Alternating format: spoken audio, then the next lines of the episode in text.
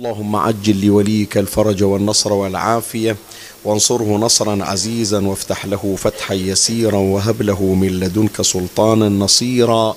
رب اشرح لي صدري ويسر لي أمري واحلل عقدة من لساني يفقه قولي. يا كاشف الكرب عن وجه أخيه الحسين اكشف كربي بجاه أخيك الحسين. نادي عليا مظهر العجائب تجده عونا لك في النوائب. كل هم وغم سينجلي بولايتك يا علي يا علي يا علي يا أبا الغوث أغثني يا فارس الحجاز أدركني بلطفك الخفي ولا تهلكني يا مولاتي يا فاطمة بنت محمد أغيثيني يا سيدتي. صلى الله عليك يا سيدي ويا مولاي يا رسول الله. صلى الله عليك وعلى آلك الطاهرين. فاز من اعتصم بكم وأمنا من لجأ إليكم. يا ليتنا كنا معكم سادتي فنفوز فوزا عظيما. جاء في دعاء الحزين. المنسوب إلى إمامنا علي بن الحسين زين العابدين عليهما السلام. بسم الله الرحمن الرحيم. اللهم صل على محمد وآل محمد وعجل فرجهم. أناجيك يا موجود في كل مكان لعلك تسمع ندائي. فقد عظم جرمي وقل حياي. مولاي يا مولاي يا مولاي يا الأهوال اتذكر وأيها انسى ولو لم يكن إلا الموت لكفى كيف وما بعد الموت أعظم وأدهى. مولاي يا مولاي حتى متى وإلى متى. أقول لك العتبى مرة بعد أخرى. ثم لا تجد عندي صدقا ولا وفاء. فيا غوثا. ثم وغوثا بك يا الله. من هوى قد غلبني. ومن عدو قد استكلب علي ومن دنيا قد تزينت لي ومن نفس أمارة بالسوء إلا ما رحم ربي. مولاي يا مولاي إن كنت رحمت مثلي فرحمني. وإن كنت قبلت مثلي فاقبلني. يا قابل السحرة اقبلني. يا من لم أزل أتعرف منه الحسنى. يا من يغذيني بالنعم صباحا ومساء. ارحمني يوم آتيك فردا شاخصا إليك بصري مقلدا عملي وقد تبرأ جميع الخلق مني نعم وابي وأمي ومن كان له كدي وسعي فإن لم ترحمني فمن يرحمني ومن يونس في القبر وحشتي ومن ينطق لساني إذا خلوت بعملي وسألتني عما أنت أعلم به مني فإن قلت نعم فأين المهرب من عدلك؟ وإن قلت لم أفعل قلت ألم أكن الشاهد عليك؟ فعفوك يا عفوك يا مولاي قبل سرابيل القطران. عفوك عفوك يا مولاي قبل جهنم والنيران. عفوك عفوك يا مولاي قبل أن تغل الأيدي إلى الأعناق. يا أرحم الراحمين وخير الغافرين. وصلى الله على سيدنا ونبينا محمد وآله الطاهرين. اللهم صل على محمد. الثانية والثالثة رحمكم الله. اللهم صل على محمد وآل محمد. اللهم صل على محمد هذا الدعاء المأثور والمشهور والمعروف والمؤثر في النفوس والمربي والذي من شأنه أن يجذب النفوس الجافة البعيدة عن ذكر الله والإقبال عليه يرجعها إلى ساحة الرضوان ويجرها إلى أن توفق للانقلاب إلى الله. والعودة إليه ويوفق الدمعة الجافة أو العين الجافة أن تذرف دمعة من خشية الله. وقد عرف هذا الدعاء بدعاء الحزين وعشاق صلاة الليل لا يكادون يفارقون هذا الدعاء لأنه يستحب أن يذكر بعد الفراغ من صلاة الليل. وقد أشار إلى ذلك العلامة المجلسي على الله مقام في بحار الأنوار في الجزء 84 صفحة 288 قال دعاء الحزين كان يدعو به علي بن الحسين عليهما السلام بعد صلاة الليل. يعني الإمام زين العابدين عليه السلام ما مرت عليه ليلة إلا وكان يقرأ هذا الدعاء الشريف ولهذا هو دعاء مأثور عنه. وتلاحظ أن الدعاء أول ما يبتدئ بهذه الكلمة. أناجيك يا موجودا. طبعا أنا ذكرت هذا الدعاء الشريف نقلا عن بحار الأنوار. تجي نصوص أخرى أو مفردات أخرى إما أحيانا بزيادة أو باستبدال. شوف مثلا أناجيك يا موجودا هنا ما موجودة العبارة في كل مكان لعلك تسمع صوتي وترى مكاني فقد عظم جرمي وقل حيائي. وترى مكاني ما ذاكرينها العلامة المجلسي بس تجي تقراها مثلا في مصادر أخرى مثل مفاتيح الجنان للمحدث القمي أو غير مفاتيح الجنان. أكو بعض الكلمات المضافة أو المستبدلة. أيا كان معانيك شتى وحسنك واحد. هذا الدعاء مأثور عن الإمام سلام الله عليه وإن كان هناك تفاوت في المفردات. لكن أول كلمة كلمة أناجيك. أناجيك يعني شنو؟ مأخوذة من شنو؟ من المناجاة وهذا الشهر الذي نحن فيه يا إخواني شهر شنو؟ شهر المناجاة ما سامع أنت المناجاة المسماة بالمناجاة الشعبانية؟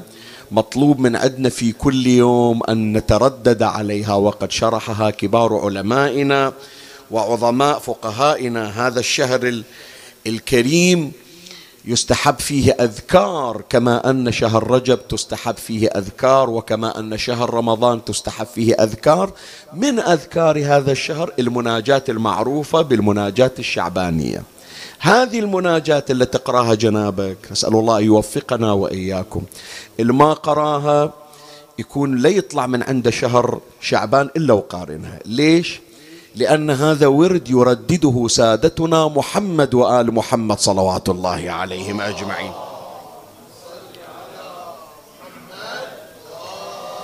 العلامة المجلسي على الله مقام في بحار الأنوار الجزء 91 صفحة 96 يتحدث عن هذه المناجاة المعروفة المناجاة الشعبانية. يقول مناجاة وهي مناجاة مولانا أمير المؤمنين علي بن أبي طالب. صلوات الله عليه. حط بالك. وهي مناجاة الأئمة من ولده عليهم السلام يدعون بها في شهر شعبان. أمير المؤمنين من أول شعبان إلى آخر يقرأ هي المناجاة. أئمتنا كذلك. وهذه الأيام يصدح بها إمامنا الحجة بن الحسن عجل الله فرجه الشريف. ونحن على خطاهم إن شاء الله. إحنا أيضا يكون نوفق أنه لا يخرج منا أو لا يخرج عنا يوم من أيام شعبان إلا ونقرأ المناجات الشعبانية. هم مربية وهم تيمنا واقتداء بسادتنا الأطهار. إلا راحت عليه هذه الأيام 22 يوم انقضت من هذا الشهر ما قاري المناجات الشعبانية. مع العلم أنها ترى من أعمال النصف من شعبان. يفترض فينا أننا أحيينا النصف من شعبان بأعمالها من أعمالها قراءة المناجاة الشعبانية. بس خاف واحد مثلا لظرف من الظروف أو لفتور عنده ما قراها لا يطلع من عند شهر شعبان إلا وقاري المناجاة التي يواظب عليها أهل البيت عليهم السلام. إذا هذا الشهر شهر المناجاة. كل ليلة إحنا نناجي الله في دعاء الحزين إذا وفقنا الله لصلاة الليل. وفقنا الله وإياكم إليها إن شاء الله. وأسأل من الله تبارك وتعالى الحمد لله رب العالمين الإخبار التي تجي والبشائر من حتى من أطفالنا. يعني لما أتفاجأ من أولاد صغار دون البلوغ ودون سن التكليف مواظبين على صلاة الليل. إحنا الآن ما نريد نبقى فقط عند هالمستوى؟ لا نريد نسوي تحديث مو بس موبايلنا يحتاج إلى تحديث مو بس التليفونات تحتاج إلى update هم إحنا أولى بال update وبالتحديث مثل ما صرنا مواظبين على صلاة الليل إن شاء الله نواظب على صلاة جعفر الطيار. ولا يأتي زمن الظهور إلا ونحن كما يرضى ويبتغي إمامنا الحجة قائم آل بيت محمد صلوات الله عليهم أجمعين.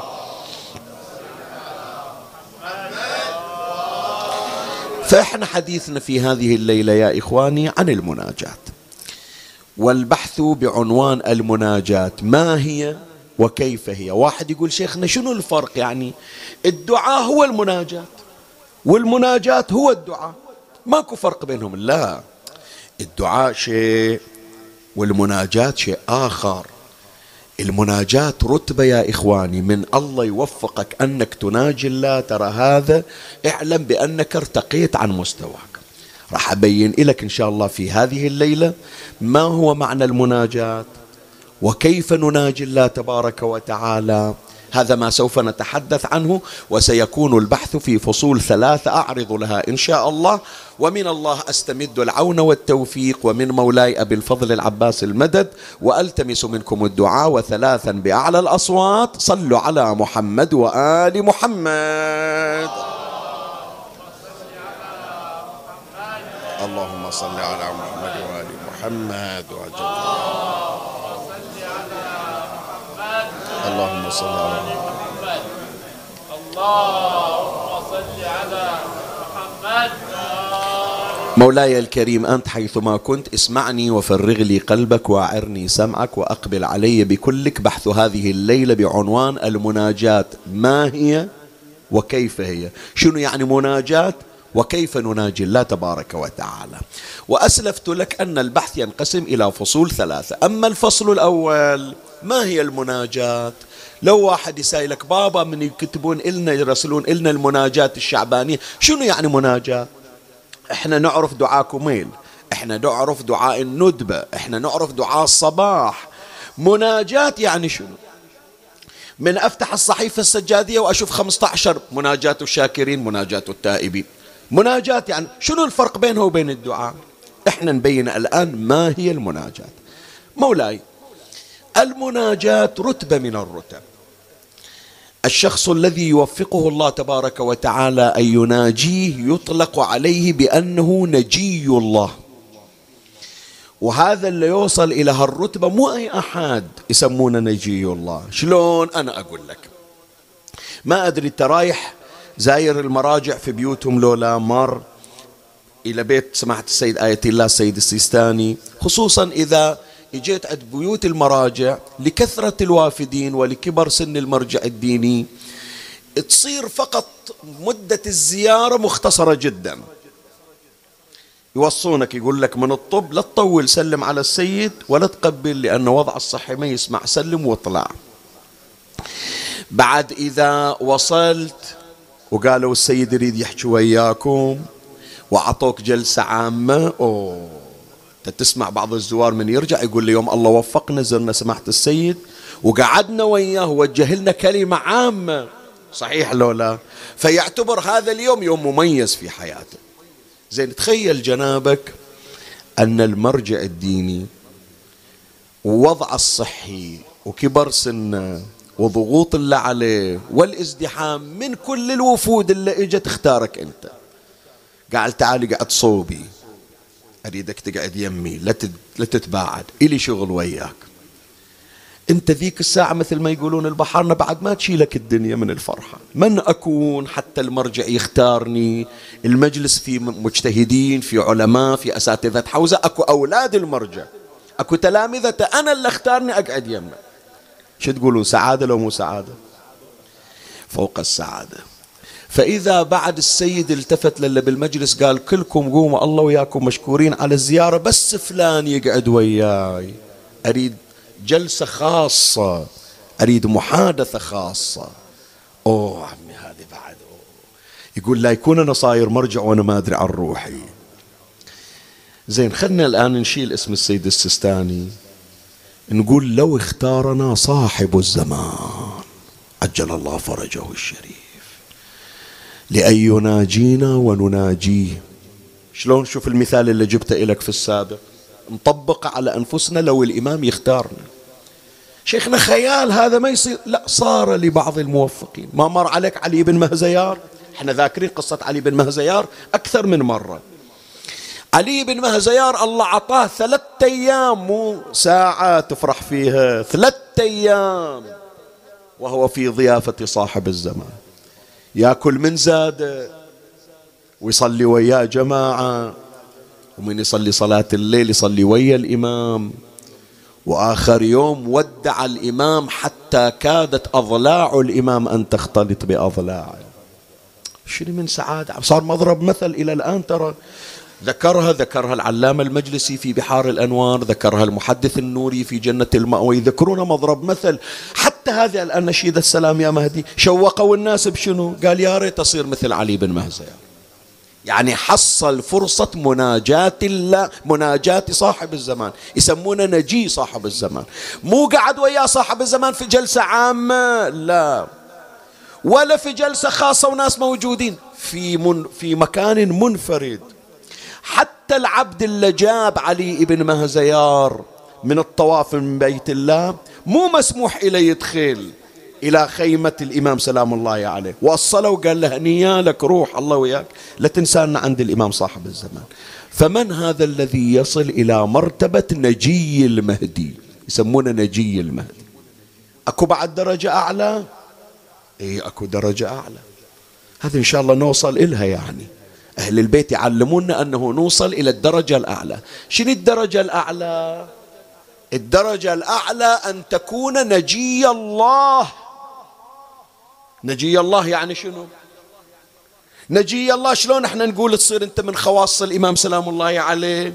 يقعد وياك جلسة خاصة يحدثك حديث خاص. هذا الأمر الآن طبق الله يختارك. تحكي ويا الله الحكي ما تحكي ويا أحد. والله يرد عليك ويكلمك. صار إلى أحد صار إلى أشرف مخلوق وأقدس مخلوق وأطهر مخلوق. منه نبينا محمد صلى الله عليه وآله.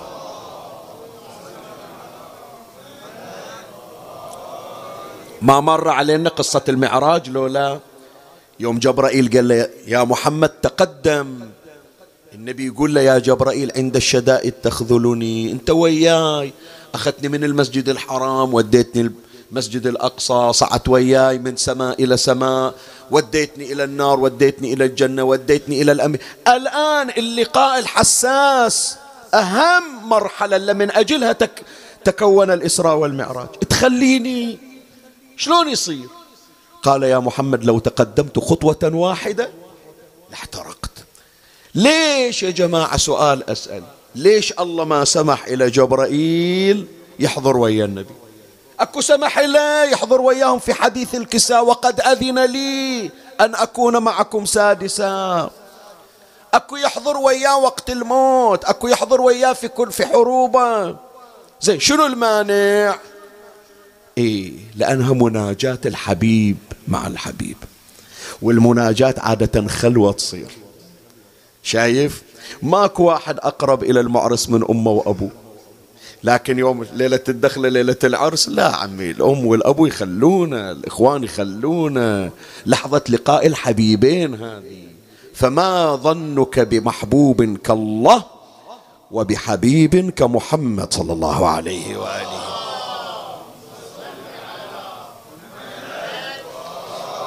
اي شيخنا هذا خاص بالنبي؟ إحنا وين شي يودينا لا يرتبوا يدبرونها أهل البيت لنا.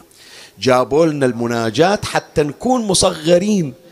بتصير بيننا وبين الله خلوة. والقرآن إجا حدثنا وشوقنا إلى أن نكون أنجية الله. جمع النجي أنجية. من النجي اللي تحدث عنه القرآن؟ نبي الله موسى ابن عمران على نبينا وآله وعليه وعلى سائر الأنبياء والمرسلين آلاف التحية وأزكى السلام. القرآن الكريم يصف موسى. شباب ردوا علي موسى شنو لقبه إحنا عندنا آدم صفوة الله عندنا نوح نبي الله عندنا إبراهيم خليل الله عندنا موسى شنو؟ كليم الله. بس أكو ترى لقب ثاني وصفة ثانية هم القرآن ذاكرنها وهم الأدعية غير الكليم. هذه أرقى النجي شي يقول القرآن؟ واذكر في الكتاب موسى إنه كان مخلصا وكان رسولا نبيا. وناديناه من جانب الطور الأيمن وقربناه شنو؟ ما قال وقربناه كليما هو كليم. بس رقيناه عن الكليم. خليناه نجي. كليم ترى بالأرض هو كليم. بس رقبناه إلى مرتبة أعلى. لا يسمع حديثا إلا موسى حتى الملائكة ما تسمعه يجي هنالك الذي هو أرقى من موسى. بعضهم يقول لما جاء النبي صلى الله عليه وآله أراد أن يخلع نعله. سيد الأدب رسول الله صلى الله عليه وآله. وإنك لعلى خلق عظيم. فمر عليه أنه موسى من اجى إلى المناجاة. جاءه النداء اخلعنا عليك. إنك بالوادي المقدس طوى. قال ما أنتظر يجيني الأمر. الله من خبرني عن موسى حتى أتأدب بالآداب. فهم رسول الله صلى الله عليه وآله أن يخلع عليه قبل أن يأتيه نداء. واحد إذا شاف غيره وقع بالخطأ قال ليش بعد أكرر الخطأ؟ أتعلم من أخطاء الآخرين. هو موسى ما أخطأ حاشاه الخطأ. بس هذا تأدب وترقي.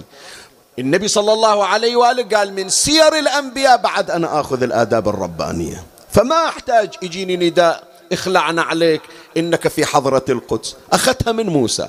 هم النبي أن يخلعنا عليه. وإذا النداء من بطنان العرش. حبيبي أحمد شرف بساطنا بنعلك. لا تنزع نعالك لا طب عدنا بالنعل. يقول له يا رب موسى جاءه النداء اخلعنا عليك وأنا مقتدي بأخي موسى. قال ذاك الكليم وأنت الحبيب. صلوا على الحبيب على أصواتكم.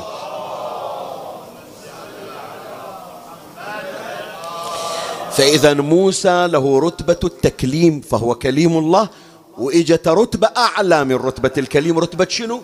نجي الله. فلهذا يأتي الدعاء. أتمنى تتابعون وياي يا إخواني. نقرأ الدعاء إن شاء الله بقضاء الحوائج وبالتفريج. يذكر العلامة المجلسي على الله مقام في بحار الأنوار الجزء 87 صفحة 305 بسم الله الرحمن الرحيم. اللهم صل على محمد وآل محمد.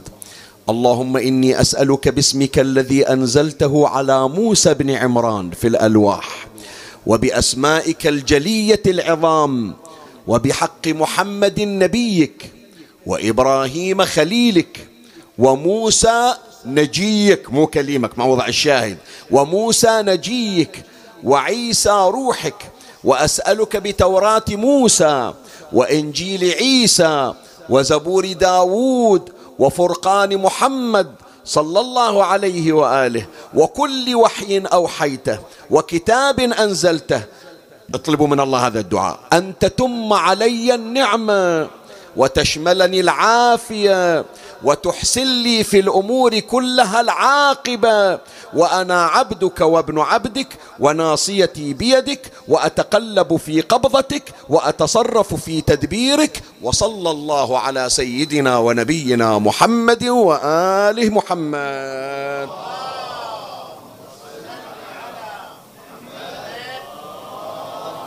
فإذا يا إخواني عرفنا بأن المناجاة مرتبة أعلى من الدعاء وأعلى من التكليم. المناجاة تقريب. مثل ما بينا شلون المراجع يقربك مثلا؟ شلون الإمام يختصك؟ مثل ما صار لعلي بن مهزيار. هذا الله يقربك. وهذا ما ذكره الشيخ الطبرسي. أعلى الله مقامه. أعلى الله مقامه في مجمع البيان. تفسير مجمع البيان جدا تفسير مهم. الجزء السادس صفحة 428 خلي أقرأ لك ما ذكره الشيخ الطبرسي. قال في قوله تعالى وقربناه نجيا. صلوا على محمد وآل محمد.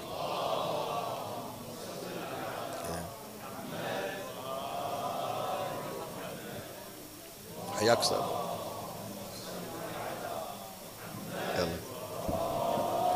يلا.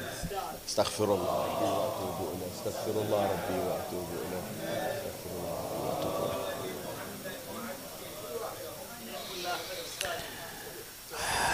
لشرف سادتنا محمد وآل محمد ارفعوا أصواتكم بالصلوات.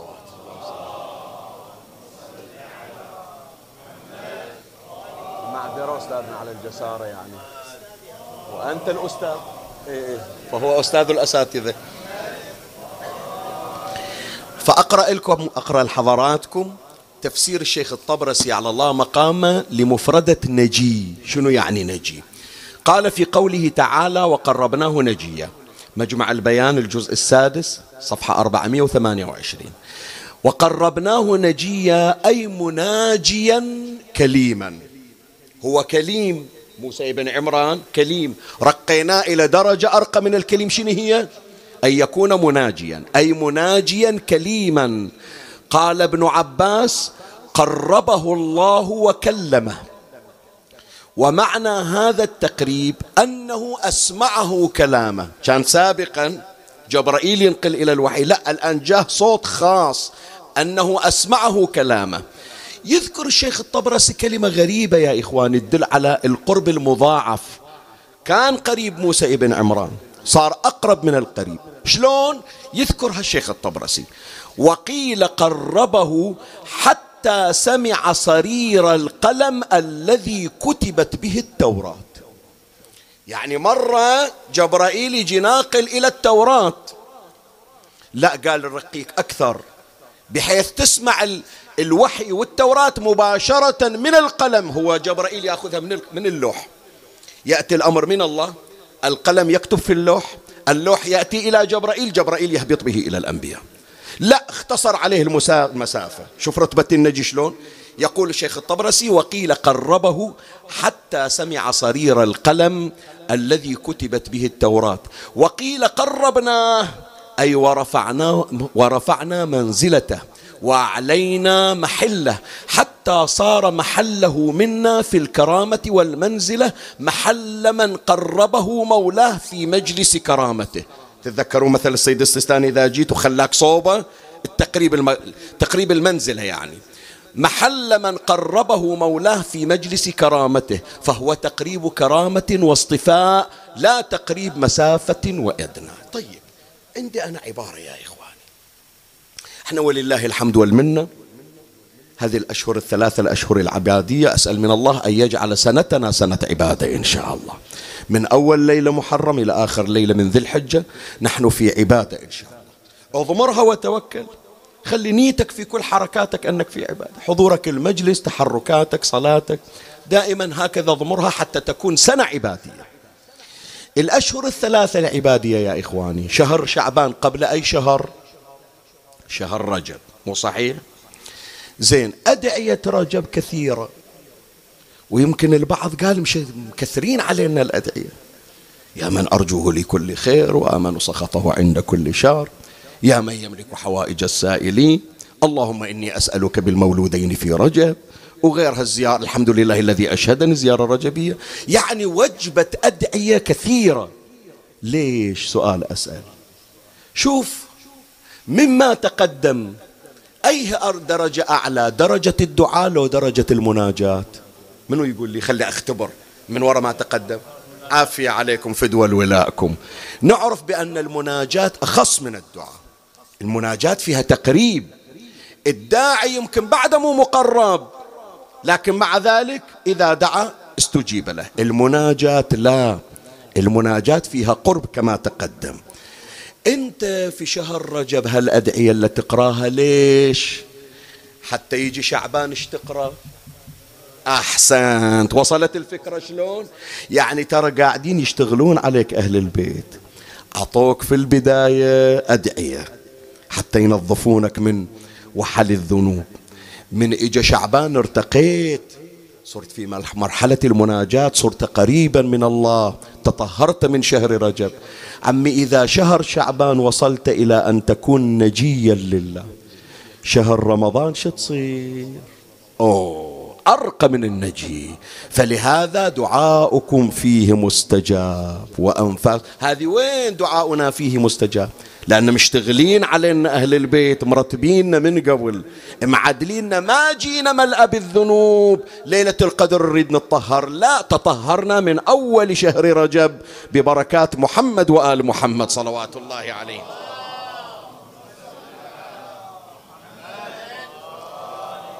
فإذا اتضح معنى المناجاة وأن نكون أن يكون الفرد منا نجيا لله. خلنا نجي إلى أنجية الله. النجي يجمع على أنجية. من هم أقرب الناس إلى الله؟ أهل البيت سلام الله عليهم.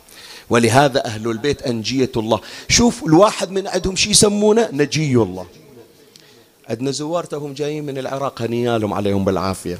نرجعكم شوية إلى وراء إلى الكاظمية. من تزور الإمام الجواد سلام الله عليه. رزقنا الله وإياكم بلوغ المراد بحق باب المراد. إيش تقرأ في زيارته زيارة يرويها العلامة المجلسي في بحار الأنوار الجزء 99 صفحة 20 السلام عليك يا أبا جعفر محمد ابن علي البر التقي الإمام الوفي السلام عليك أيها الرضي الزكي. حط بالك شوف الشاهد وين. السلام عليك يا ولي الله. السلام عليك يا شنو؟ يا نجي الله. من تسلم على موسى يا كليم الله. من تسلم على الجواد شو تقول له؟ نجي الله. منو أرقى الكليم لو النجي النجي. هم أهل البيت سلام الله عليهم. وذول أهل البيت يا إخواني وصلوا إلى درجة من القرب. بحيث ما يحتاجون بعد تعال يا ملك توسط إلنا ورفع دعاءنا إلى السماء. لا قرب غريب وعجيب. خلي أضرب لك مثل حتى أختم هذا الفصل أروح إلى الفصل الثاني. شلون الواحد من أهل البيت نجي لله تبارك وتعالى؟ إمامنا الحادي عشر الحسن العسكري عليه السلام. أكو واحد من خلفاء بني العباس يسمونه المستعين. المستعين بالله. هذا أذى الإمام العسكري حيل أذى. يعني أذى مو طبيعي. عيش الإمام في جو مرعب ممتهن للكرامة. خلي نقول لك الرواية اللي تبين قرب الإمام العسكري من الله من أقول لك هم أنجياء الله هم أنجية الله. الرواية يرويها العلامة المجلسي في بحار الأنوار الجزء خمسين صفحة 248 واحد يسمونه الصيمري هو الراوي.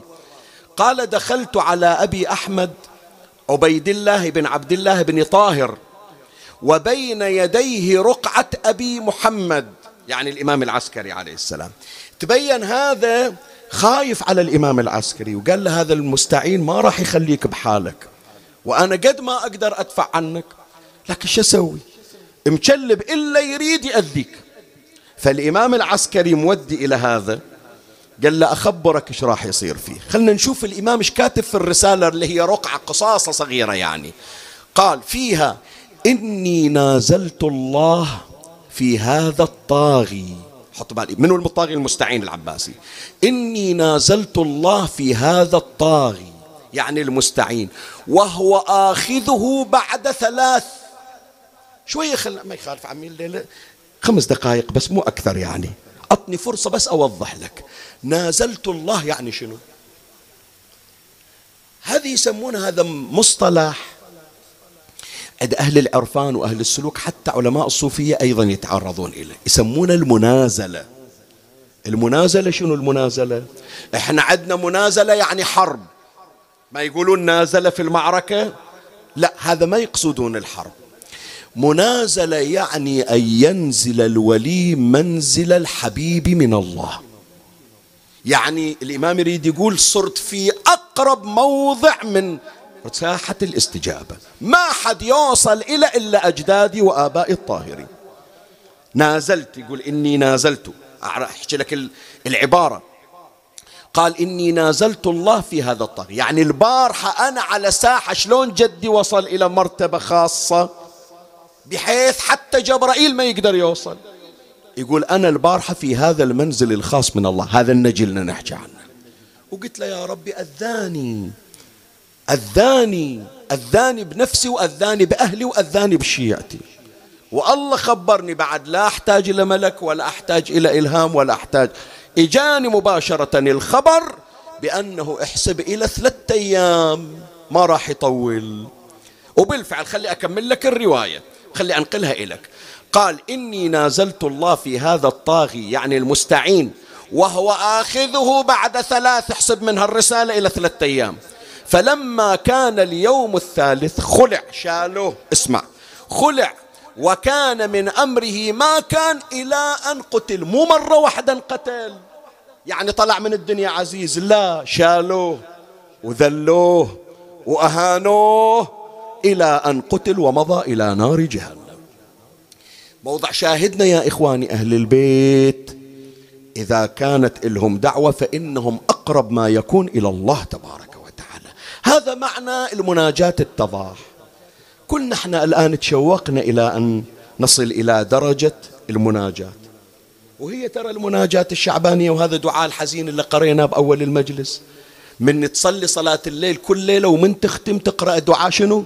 دعاء الحزين يعلمونك أهل البيت كيف تكون قريبا من الله. طيب شلون أنا أصير نجي؟ شلون أنا أحصل على مرتبة أن أكون نجيا لله؟ بمقداري طبعا. تحتاج إلى أمرين مهمين. هذا الفصل الثاني. كيف أكون نجيا لله؟ أول أمر أن تتجرد من كل شيء إلا الله تبارك وتعالى. أجي صح بقرأ أنا دعاء. أباجي بحيي ليلة القدر. لكن الواتساب قدامي. أنتظر تجي رسالة. ها تأخرنا خاف تأخرنا طول علينا في دعاء. لا هذا الانشغال بالدنيا ما يعطيك القرب الحقيقي. شلون؟ خلي أقول لك الآن. الآن لو أقعد وياك بسالفة وكل ساعة أشوفك قاعد تطالع في التليفون ومثل ما يقولون البحارنا مغاور عني. أكمل سالفتي بعد. لا ترغبن في من زهد فيك. إيه فأنا يا عمي إذا كنت بعيد عن الله كيف يقبل الله علي؟ إذا أنا إجيت للصلاة وأنا فكري بغير عالم شلون أصير نجي؟ إيه صح رفعتنا التكليف عني أديت اللي علي لكن ما وصلت إلى درجة المناجاة. خلي أقرأ لك رواية مروية عن الإمام الصادق عليه السلام. شوية توجع القلب يعني. اليوم وأنا وأنا قاعد أكتبها فعلا القلم يرجف بإيدي. أقول اللهم لا تضعنا في هذا الموضع. الرواية يذكرها صاحب كتاب مصباح الشريعة. الجزء الأول صفحة 87 الإمام الصادق عليه السلام يعرفنا كيف إذا أقبلنا إلى الصلاة نقبل بتوجه. حط بالك للعبارة.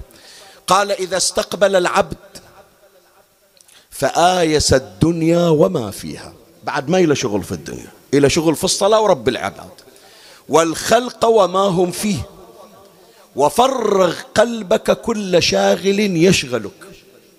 عن الله تعالى. وعاين بسرك عظمة عز وجل. واذكر وقوفك بين يديه.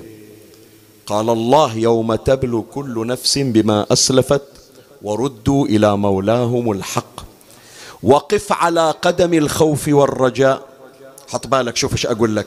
تذكر هذه شوف صورة شيخ ياسين من توقف بالصلاة وتذكر هالكلمة. حتى تستحضر هالعبارة عن الإمام الصادق عليه السلام. الآن راح تكبر وتدخل في الصلاة. الإمام يقول لك كبرت فاستصغر ما بين السماوات العلى والثرى دون كبريائه. من تقول الله أكبر لا تقول الدين اللي علي شي يقضيه واجد. الله أكبر من الدين. من تقول الله أكبر هالمسؤول اللي مأذني شي خلصني من عنده. الله فوق كل واحد عليك. حاجة شلون تنقضى؟ الله قاضي الحاجات. الله أكبر يعني الله أكبر من كل شيء مو بس الله أكبر من النمرود ومن فرعون. حتى الهم اللي بقلبي الله أكبر من الهم يقضي على الهم. شوف ثمرة التكبير. كبرت فاستصغر ما بين السماوات العلى والثرى دون كبريائه هذه الكلمة اللي أقول لك تخلي الواحد يرجف. فإن الله تعالى إذا اطلع على قلب العبد وهو يكبر وفي قلبه عارض عن حقيقة تكبيره قال الله أكبر ولا يعرف يعني شنو الله أكبر. وفي قلبه عارض عن حقيقة تكبيره قال يا كذاب أتخدعني؟ وعزتي وجلالي لأحرمنك حلاوة ذكري. ولأحجبنك عن قربي والمسرة بمناجاتي. تقول الله أكبر والواتساب أكبر من الله عندك. تقول الله أكبر ومرتك أكبر من الله عندك. تقول الله أكبر وشغلك والطائرة اللي تنتظرك أكبر من الله عندك. ما أنت صادق معي؟ كذاب تواجهني بالكذب عمي إمامنا الحسن قبل لا يقول الله أكبر يرجف. أنا إيش أقول؟ أنا إيش أقول إلا الدنيا ما أخذتني؟ فأول خطوة حتى نوفق أن نكون أنجية لله نتجرد عن كل شيء. جربها ركعتين أريد من عندك. أنت صلواتك كلها مشغول فيها حاشاكم. لا خصص لك ركعتين فرغ نفسك من كل شيء. ركعتين.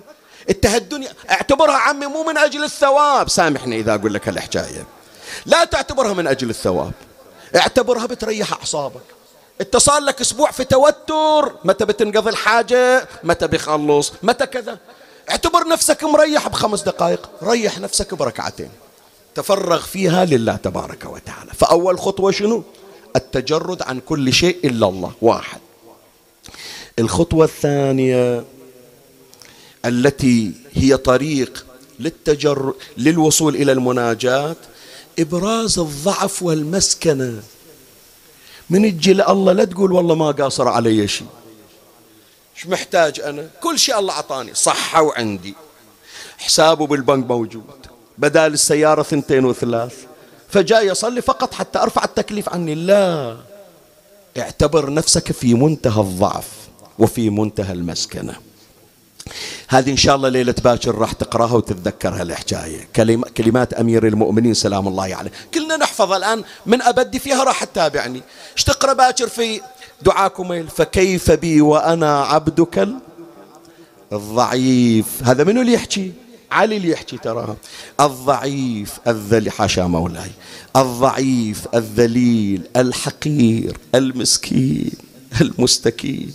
يا إلهي وربي وسيدي ومولاي لأي الأمور إليك أشكو ولما منها؟ شوف هذه الفقرة شلون تربي. أولا أمير المؤمنين سلام الله عليه أبرز أنه في منتهى الضعف. ما قال ضعيف وسكت. مع العلم علي وقوة علي التي هي من قوة الله تبارك وتعالى. خلى عليها قوي ضعيف ذليل. حشاه مولاي ما أقول الكلمة. مسكين مستكين. وفوق هذا من يجي واحد لك ضعيف فقير يقول لك محتاج هالقد يذكر حاجته.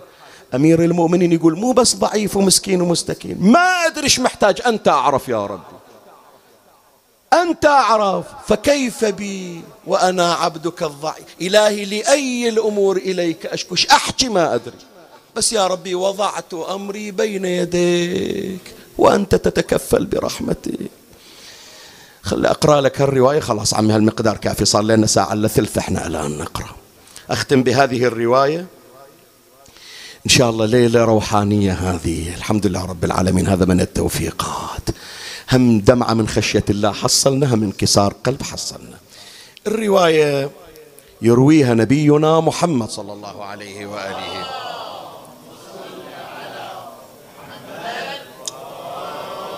في بحار الأنوار الجزء 38 صفحة 99 قال رسول الله صلى الله عليه وآله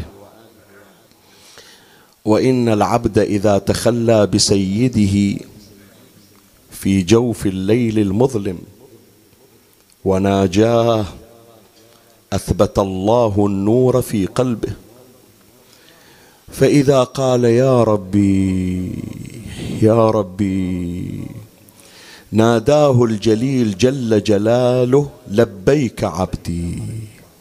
سلني أعطك وتوكل علي أكفك. ثم يقول جل جلاله لملائكته اسمعوا أحبائي ملائكتي انظروا إلى عبدي فقد تخلى بي في جوف الليل المظلم. والبطالون لاهون والغافلون نيام. اللهم لا تجعلنا لا من البطالين ولا من الغافلين. والبطالون لاهون والغافلون نيام. اشهدوا أني قد غفرت له. اللهم من علينا في هذه الساعة بتوبة تطهر بها أنفسنا من كل ذنب وشائبه استغفر الله لكل جرم أجرمته ولكل ذنب أذنبته. شوفوا عمي إيش أقول لكم؟ تتذكرون أنتم أهل الإيمان أهل الولاية. خو مصلين صلاة جعفر الطيار. من تخلصون من الصلاة وتقرؤون الدعاء تتذكرون سبحان من لبس العزة والوقار. مو تمام؟ آخر شيء قبل لا تطلب حاجتك شو تصيح؟ ربي ربي ربي ربي ربي. إلى, إلى أن شنو يقولون؟ حتى ينقطع. ليش؟ حتى تحصل ثمرة الاستجابة. هذا اللي يكرر مرتين يقول يا ربي يا ربي. الله يقول له لبك سل تعطى. الآن إلا تريد أحصل. شلون تكررها بعد؟ قضى الله حوائجنا وحوائجكم. بهذا عم يكون ختمت مجلسي. هذول فصلين. الفصل الثالث مجرد هو شاهد للتخلص. اللي يعبرون عنه بالقوريز. خلنا نشوف حبيبنا نجي الله حسين ابن علي. إي والله. ترى الحسين عمي مو بس يعلمنا العاطفة الحسين يعلمنا شلون نكون قريبين من الله. إي والله وداعتك. شوف يوم عرف دعاء الحسين شي يسوي بيك؟ يصنع من عندك إنسان مختلف لولا. بس تجيب هذا الشاهد ليس إلا يعني مو أكثر. هو للتخلص اللي يذكره العلامة المجلسي وغير العلامة المجلسي. يبين لنا الإمام الحسين كيف هو في قربه مع الله وكيف هو نجي الله.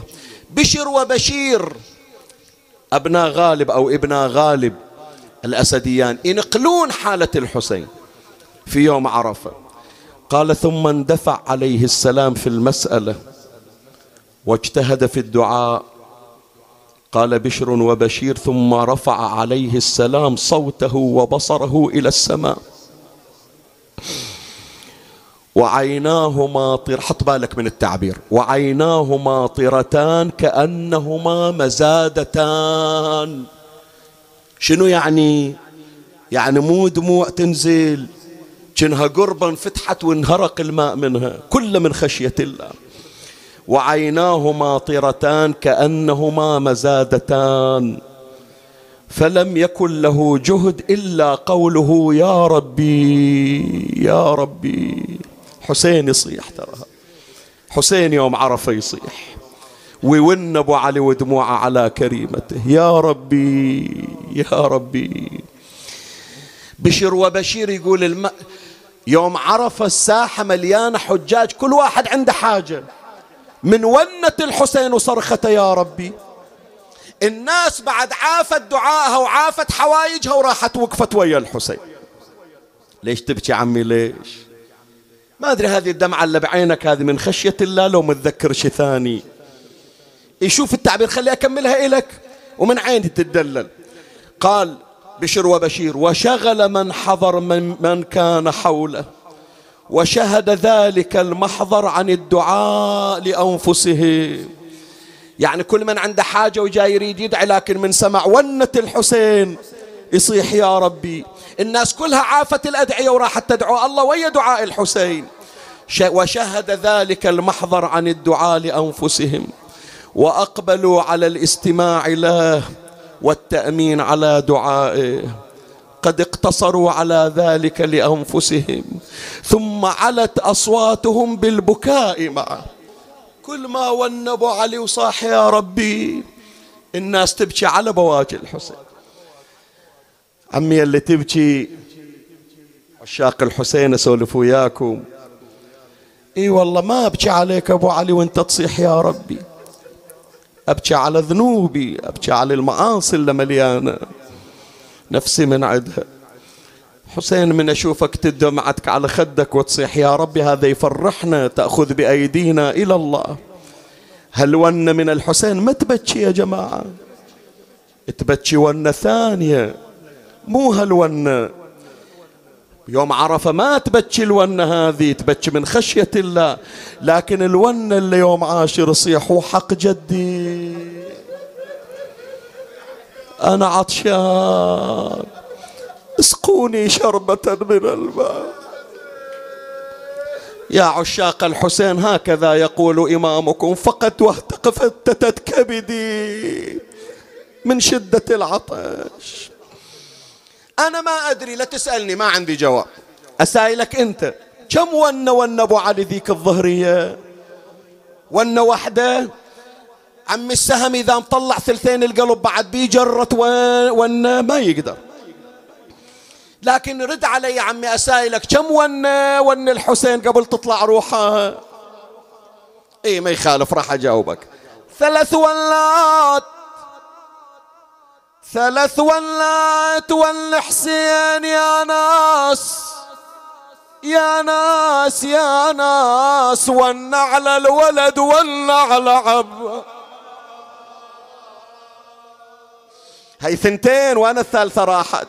سمعني صوتك ابوس إيدك ثلاث ولات والحسين يا ناس يا ناس والنعل الولد والنعل عب. بعد ون بعد ون إلا تشيب الراس. على زينب وضيعتها ويا الأرج. إيه هالونة الثالثة هي اللي تشلع لقلبها أقرأها على راحة. عمي إذا أنت ونة الحسين ذبحت قلبك. هي هالونة إيش سوت بزينب؟ أنا بخيمتي وعيني التنوع التنوع وقلبي على ابن أمي تروع. أنا فريت من شفته وقاع وقاع وشفت العسكر على ابن أمي تجمع إذا البيت قاسي سكتني والله ما راح أقرأ. إذا شفته شديد عليك. أنا شفت الشمر فوقات أكمل لو أسكت رد علي. شفت الشمر فوق تربع تربع وبنحر أخويا قام يقطع. أنا شفت الشمير فوق تربع وبنحر أخويا قام يقطع. هي حرمة وغريبة ما أدري أصنع. يا ريت روحي وياه تطلع. اسم الله عليك زينب. لا تقولين هالحكي والله تأذين. حسين خويا طولت النومة شلون اجيلك والطرق ملزومه حسين خويا حيرت من القلب شلون اجيلك وأنا ما دل الدروب؟ أبو علي تقبل أختك تمشي ما بين الغروب. شلون اجيلك والطرق ملزوم؟ إيش سويت بي يا ابو علي؟ إيش سويت بي؟ حسين خويا ذوبتني بونتك حيرت قلبي يا خويا طيحتك. شلون أجي وشلون اخلي خيمتك؟ شلون أجي لك والطرق ملزوم؟ أريد أختم المجلس حصلت الثمرة من وراه دمعة من خشية الله ودمعة على الحسين. بس واحد يرد على الثاني اشتقت لونتكم حتى اللي بالبيوت خلهم يشتركون ويانا بالون. زينب واقفة وإذا تسمع الصوت من المعركة كبدي كبدي يا زينب ذايبة من العطش كبدي يا زينب ذايبة من العطش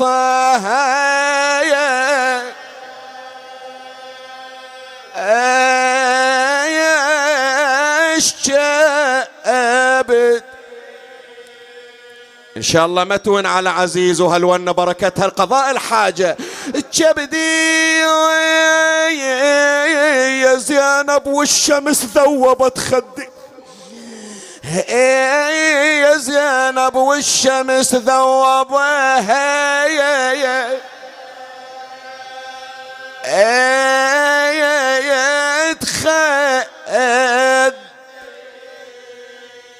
زينب وارتراب احرق لزندي فيل برد ثوبك عن الحا.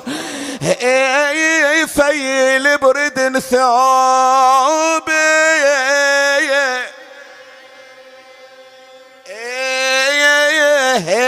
عن الحا.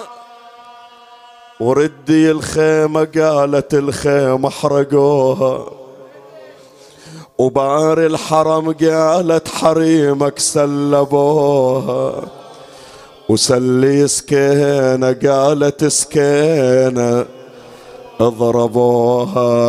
برضاك هذا قال ذا غصب علي. يا الحنونة يا زينب إن كان خلولك ردا سوي لي ظلال.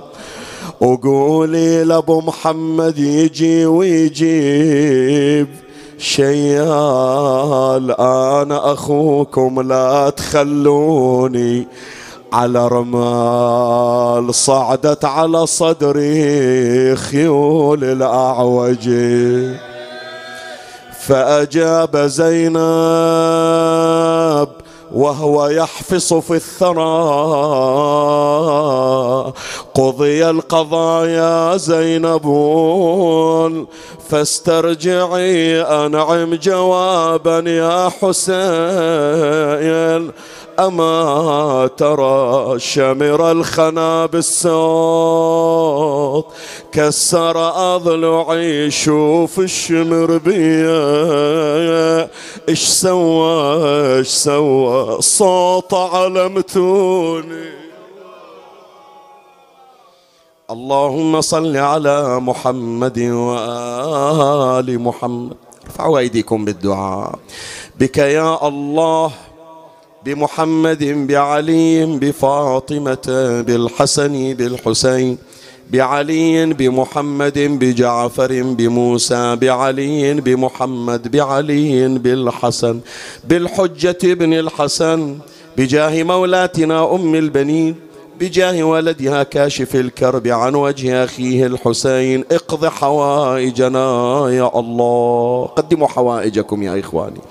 كرروها عشرا يا الله يا الله يا الله يا الله يا الله يا الله يا الله يا الله يا الله يا الله يا من لا يقال لغيره يا الله اقض حوائجنا وحوائجهم فرج عنا وعنهم اشف مرضانا وامراضنا وامراضهم عجل اللهم فرج امامنا صاحب العصر والزمان شرفنا برؤيته وارزقنا شرف خدمته ترحم على اموات واموات الباذلين والسامعين والمؤمنين سيما من لا يذكره ذاكر ولا يترحم عليه مترحم.